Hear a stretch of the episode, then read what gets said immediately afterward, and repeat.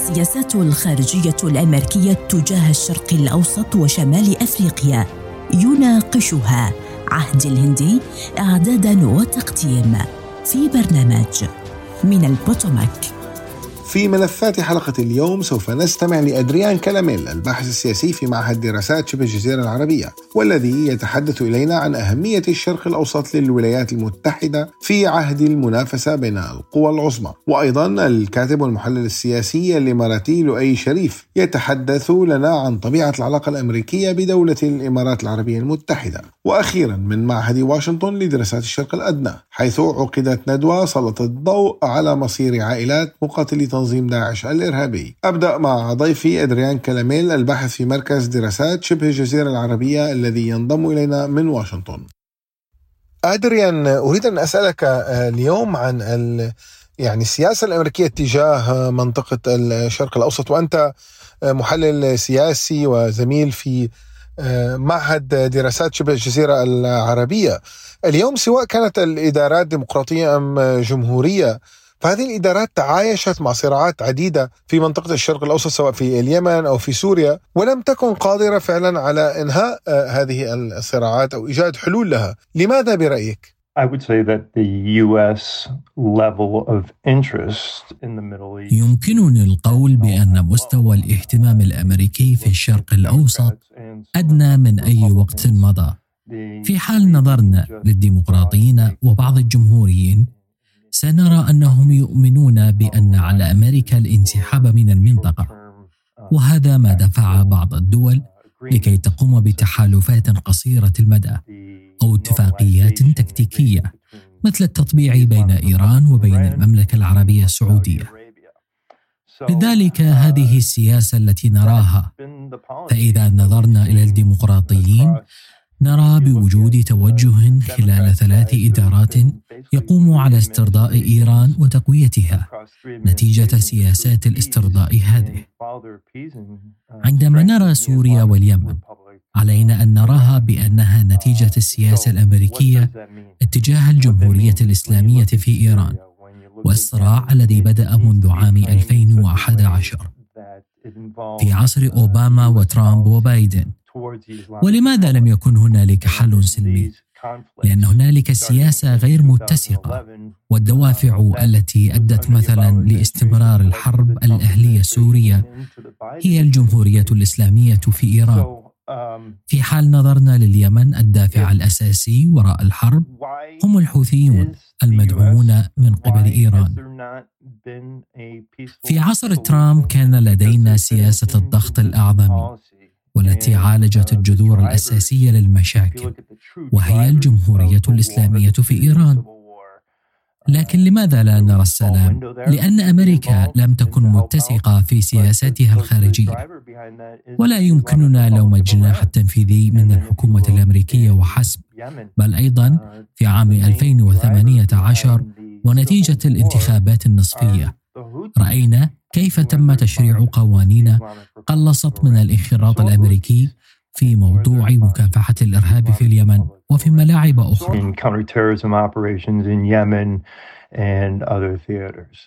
أدريان كلاميل المحلل السياسي أنت تعرف تماما بسياسة التوجه نحو الشرق وهي السياسة التي بدأت منذ عصر أوباما حيث ترى الولايات المتحدة الأمريكية بأن المنافس الأساس لها هو الصين. لكن اليوم الصين تنافس الولايات المتحدة في أماكن عديدة تنافسها في مناطق آسيا وأيضا في الشرق الأوسط. الشرق الأوسط اليوم باتت منطقة مهمة للصين تعمل من خلالها على منافسة الولايات المتحدة الأمريكية برأيك هل هناك فعلا منافسة حقيقية بين أمريكا والصين في الشرق الأوسط أم أن الصين ليس لديها اهتمام حقيقي في منطقة الشرق الأوسط؟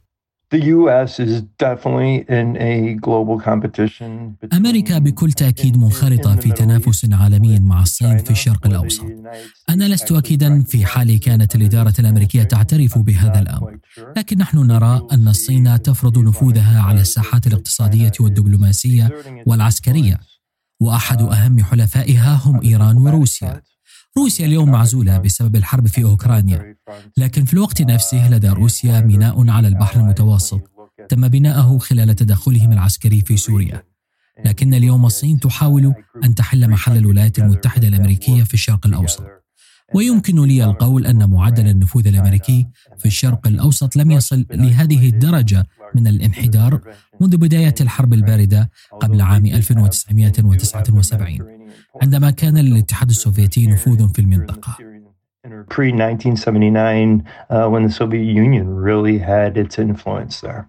أدريان أريد أن أسألك هنا أمام كل المشاكل وكل القضايا العالقة في الشرق الأوسط. برأيك ما هي القضية الأكثر إلحاحا؟ القضية المحتاجة إلى حل والتي على الولايات المتحدة الأمريكية أن تتدخل بها وأن تقوم آه، بحلها بصفتها الدولة العظمى الأولى في العالم. The most pressing issue in the Middle East right now uh, القضية الأكثر حضورا في الشرق الأوسط وهي الأمر الذي يريد الجميع تجاهله هي أن أمريكا تقوم بمداعبة الطرف الخاطئ. وكيف تتم زعزعة الاستقرار في المنطقة عن طريق الجمهورية الإسلامية في إيران؟ تسيطر إيران اليوم على لبنان وسوريا واليمن. وأمريكا قامت باتفاقيات معهم مثل اتفاقيات الرهائن. وهذا يقوي من إيران. وهذا يؤدي بدفع دول أخرى مثل السعودية ومصر لإعادة تقييم مواضعهم. خذ على سبيل المثال. كيف تقوم أمريكا بتطبيق الضغط على مصر ومطالبتها بتحسين ملفها في مجال حقوق الإنسان؟ فالذي يحصل اليوم هو أننا نرقص حول الحواف في موضوع اختيار حلفائنا. ولا نركز على المستقبل. لذلك هنالك دول في المنطقة تبتعد عن أخذ المواقف لأنهم يرون اليوم كيف أن إيران صارت أثرى بمبلغ 16 مليار دولار. وستكون قادرة على إنتاج السلاح النووي. وهي دولة موجودة في ساحتهم الخلفية. كل هذه الظروف خلقت نتيجة السياسات الأمريكية. لذلك القضية الأكثر إلحاحا اليوم هي أن تقوم إيران بإنهاء برنامجها النووي. هذا ما يجب أن يحصل وهذا الأمر الذي يجب أن يتم التركيز عليه. لكن إدارة أوباما وبايدن لم يكن لديهم ملف خاص بإيران بالمجمل بل ملف خاص بإيران النووية وهذا ما قادنا إلى ما نحن عليه اليوم من وضع خطر. And uh, that has led us to where we are now, which is a very dangerous place. المحلل السياسي أدريان كلاميل أريد أن أسألك هنا حول موضوع الانتخابات الأمريكية القادمة. آه، وكمان علم الانتخابات الأمريكية والمناظرات الأساسية بين المرشحين سواء آه، خلال الانتخابات التمهيدية التي يقوم بها كل حزب أم الانتخابات العامة والمنافسة التي تكون بين الحزبين. غالبا المواضيع المطروقة والتي يتم الحديث عنها هي مواضيع متعلقة بالشأن الداخلي الأمريكي. خاصة حاليا اليوم نحن أمام آه، يعني وضع فيه تضخم كبير اقتصادي وازدياد أو ارتفاع كبير في الأسعار. فاليوم غالب المواطنين مهتمين بقضايا محلية. فهل للسياسة الخارجية فعلا أي دور بشكل عام في الانتخابات الأمريكية؟ وخاصة في المرحلة الحالية هل نجد أن الناخب الأمريكي اليوم فعلا مهتم بالسياسة الخارجية الأمريكية؟ Uh. عادة ما أقول أن السياسة الخارجية ليس لها تأثير كبير في الانتخابات الأمريكية. وبيل كلينتون لديه شعار شهير عرف باسم أنه الاقتصاد يا غبي أي أن كل شيء يدور حول الاقتصاد في السياسة الأمريكية لكن علينا أيضا أن ننظر بعين الاعتبار لما حصل في ظل إدارة بايدن مثل الانسحاب من أفغانستان وأيضا موضوع أوكرانيا. رغم أنها قد تكون إيجابية لكن في نفس الوقت سيكون موضوع أوكرانيا مثل كرة سياسية يتقاذفها الجميع. وأنا أرى أن الاتفاق الأخير مع إيران الذي قاموا عبره بتحرير الكثير من الأموال. كل هذا سوف يؤثر على الانتخابات. لأن الديمقراطيين قالوا بأن هذه الأموال سوف تستخدم لاغراض إنسانية. رغم أننا نعلم أن هذا لن يحصل. أنا جدا قلق لما سوف يجري في العام القادم. لدينا بعض من الوقت للانتخابات وهنالك دائما مفاجآت لم نتوقعها مثل احتمالية حصول هجمات إرهابية. لكن أنا أؤمن أن السياسة الخارجية سوف تلعب دورها في هذه الانتخابات لأن أمريكا شهدت أحدث معيبة مثل الانسحاب من أفغانستان. والأمور التي قمنا بها لدعم الجمهورية الإسلامية في الوقت الذي قاموا به بمعاملة المتظاهرين في الشوارع بشكل وحشي. شكرا لك ضيفي المحلل السياسي أدريان كلاميل.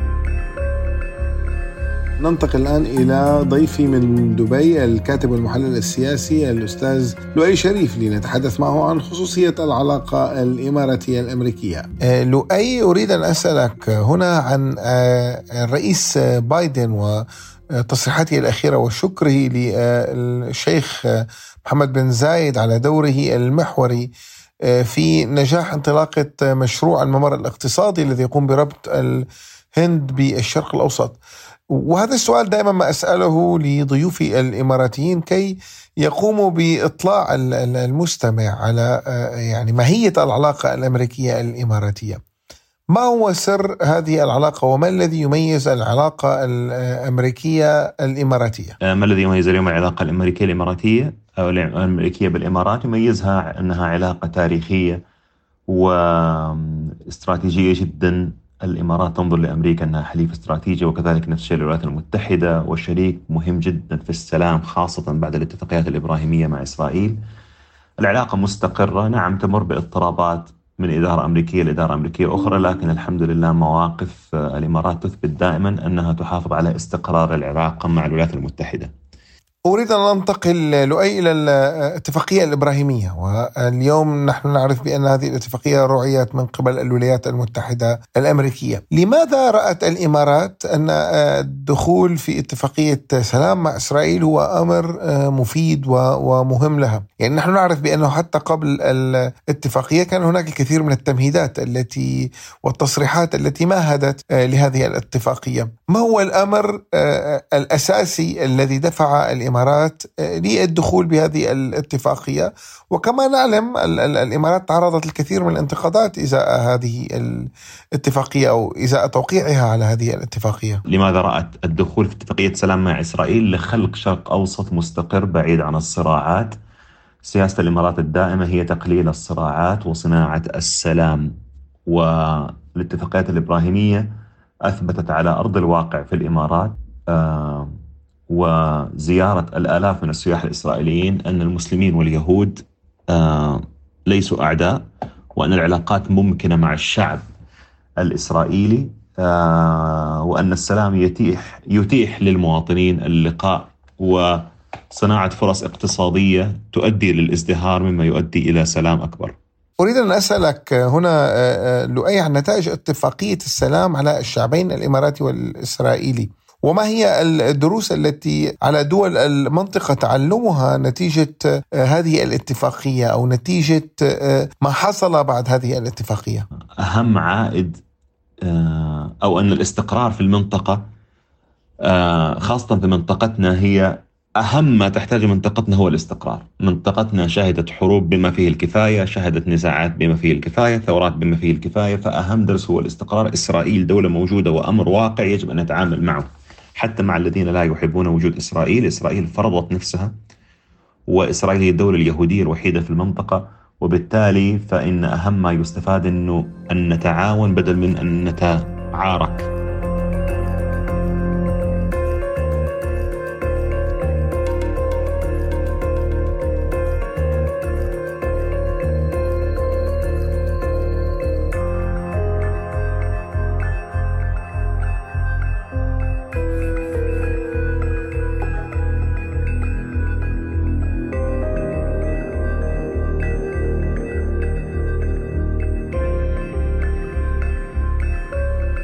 شكرا جزيلا لك المحلل السياسي لؤي شريف. والآن إلى ندوة نقمها معهد واشنطن لدراسات الشرق الأدنى.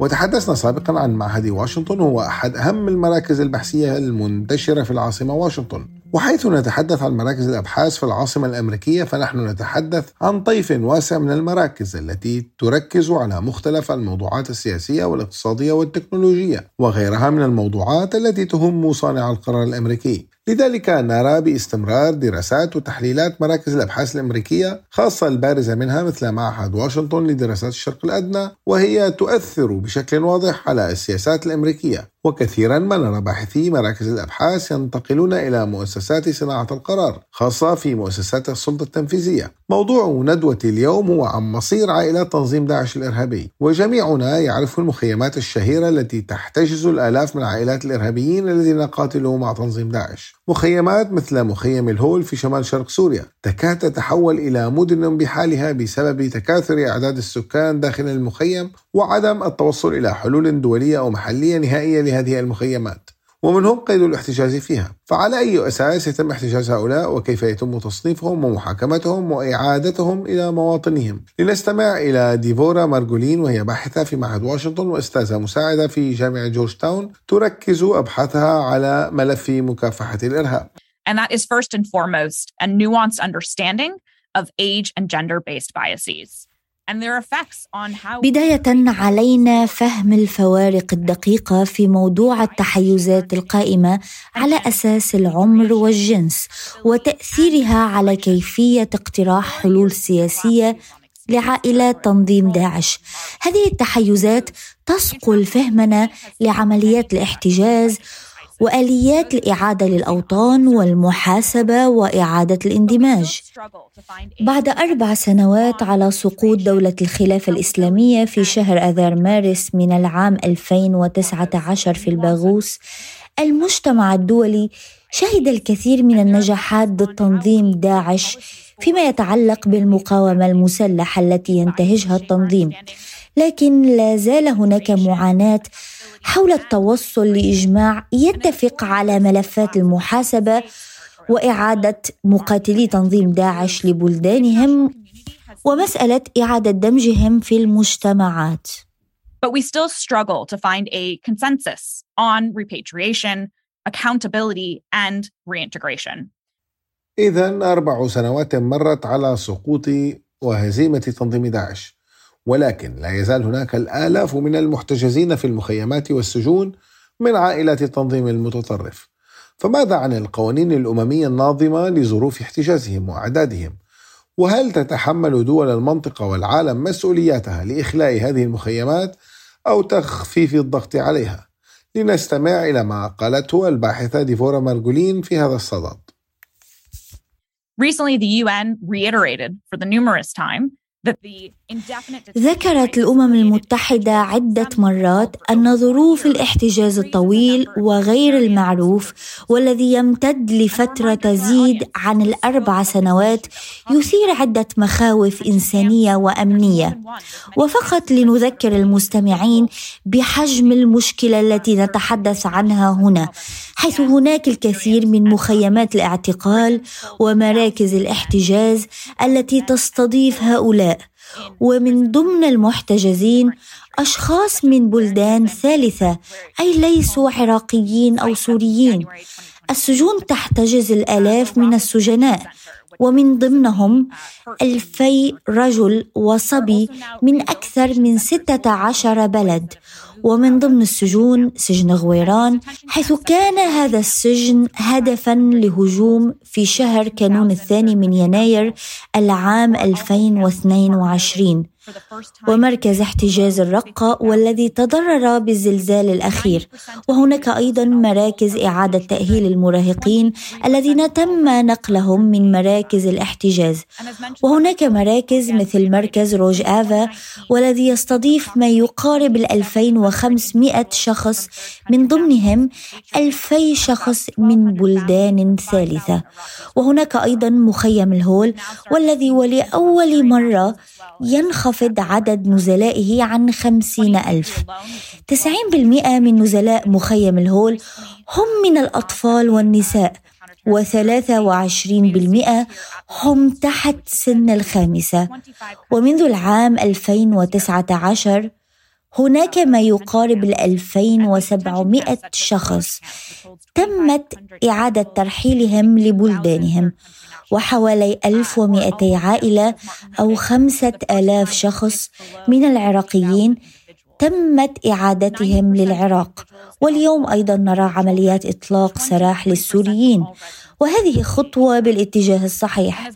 فقط في عام 2023 رأينا 12 بلد يقومون باستقبال هؤلاء. وكما صرح آيان موس نائب منسق مكتب مكافحة الإرهاب في الخارجية الأمريكية عبر منصة معهد واشنطن هناك 25 بلد سيقوم باستقبال نزلاء المخيمات ومراكز الاحتجاز. هناك إذا جهود دولية للتقليل من أعداد المحتجزين من عائلات تنظيم داعش. ولكن ما عدد الأجانب المتبقين في مخيمات الاحتجاز في سوريا؟ وما هي المقاربات التي يجب اعتمادها للاستمرار بإخلاء هذه المخيمات دون المخاطرة بنشر التطرف في المجتمعات؟ لنستمع إلى الإجابة التي قدمتها الباحثة في معهد واشنطن السيدة ديفورا مارغولين. But that still means that we have 10,000 third country nationals that still remain in northeast على الرغم من كل ذلك فإنه هناك عشرة آلاف شخص أجنبي لا يزالوا متواجدين في مراكز الاحتجاز في سوريا. دون أن نحسب الخمسة وعشرين ألف عراقي والثمانية ألف سوري. عمليات الترحيل بطيئة. ومن المهم أن نفهم أن المتبقين غالبهم من الأطفال والنساء مما يسلط الضوء على ضرورة إيجاد مقاربة مستندة على العمر وعلى العرق. وفي الوقت ذاته حين نتحدث عن موضوع إعادة الترحيل علينا أن نركز على مسألة المحاسبة وإعادة دمج هؤلاء في مجتمعاتهم.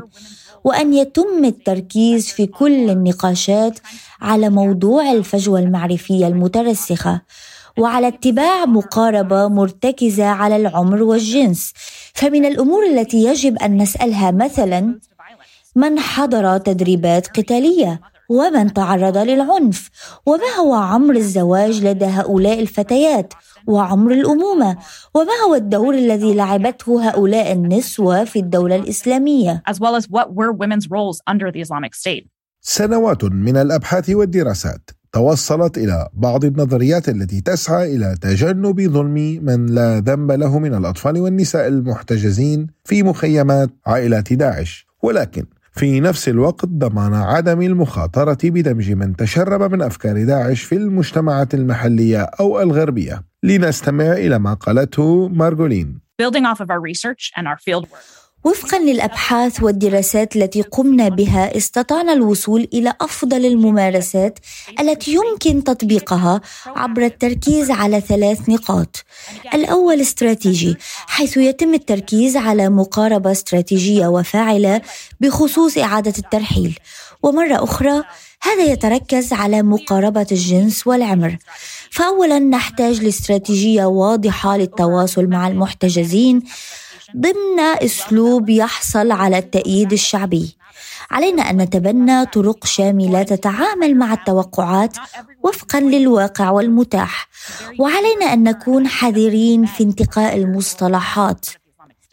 فأنا دائما ما أعطي مثال حول شكل تسميتهم.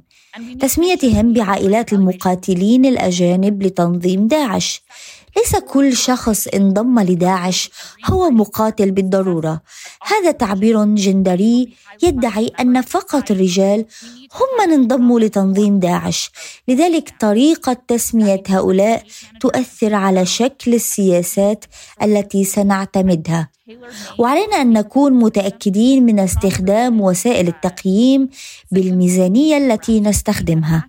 ثانيا كي تكون عمليات إعادة الترحيل والمحاسبة وإعادة الدمج في المجتمعات عمليات ناجحة ولكي يتحول هؤلاء الأفراد إلى أفراد فاعلين في مجتمعاتهم علينا أن ننتهج مقاربة مستنيرة في طريقة التعامل مع الصدمات النفسية. وهذا يعني أن نقوم بتزويد المسؤولين عن الملفات بالخبرات والموارد والحلول المخصصة لذلك وفقا للأشخاص المستهدفين. ويجب النظر إلى الأعراض الحاصلة بسبب الصدمات النفسية فعلينا أن نصل الأشخاص بالأدوات المناسبة. وأخيرا علينا أن نقوم بالتقييم بشكل مبكر ودائما ومرة أخرى. التقييم مفيد جدا. علينا الاستفادة من كل الأدوات التي نملكها وأن نضمن البساطة والحلول المخصصة للأفراد حيث أن الأطفال والنساء هم غالبية هؤلاء. ربما بعض الأمور المستخدمة ليست الأدوات الصحيحة تماما. وعلينا أن نعمل على تكييف هذه الأدوات مع طبيعة الشعب الذي نتعامل معه. So perhaps some of the mechanisms that we already have in place are not the right tools and we need to adapt them for the population that we're dealing with. طبعا دعونا لا ننسى أن المناطق التي تأوي عائلات تنظيم داعش خاصة في سوريا ليست مناطق آمنة تماما. رغم نهاية المعارك المفتوحة ضد التنظيم المتطرف حيث لا تزال المنطقة تحت تهديد عودة الفوضى والتطرف والصراعات الأهلية. فكيف يمكن التعامل مع هذا الواقع المضطرب؟ I'll end by highlighting some of the what I like to call the known وأخيرا سوف أنهي عبر تسليط الضوء على ما أسميه بالمعلوم المجهول أو الأشياء التي تجعل من الوضع الخطير الذي نتعامل معه وضعا أخطر. أمور علينا أن نعالجها في أسرع وقت. ومن هذه الأمور التهديد المستمر لتنظيم داعش لمراكز الاحتجاز من الداخل والخارج. وأيضا تهديدات الكوارث الطبيعية مثل الزلزال الأخير الذي حدث في سوريا وتركيا. وأيضا إمكانية حصول تدخل تركي. ما الذي سوف يحدث في حال أقدمت تركيا على تدخل عسكري جديد في سوريا؟ وما الذي يعنيه هذا بالنسبة لقسد وأخيرا موضوع التطبيع وما الذي يعنيه لشمال شرق And سوريا؟ finally, the most recent Syrian normalization. What will that mean for northeast Syria? نعم انتهى تنظيم داعش ولكن لم تنتهي تداعيات انتشاره حتى يومنا هذا. موضوع لا يزال يستدعي اهتمام الباحثين والمراقبين في واشنطن. وسنستمر بدورنا بمتابعته. شكرا لحسن إصغائكم أعزائي المستمعين. مستمعينا الأكارم كنتم مع عهد الهندي وبرنامج من البوتوماك.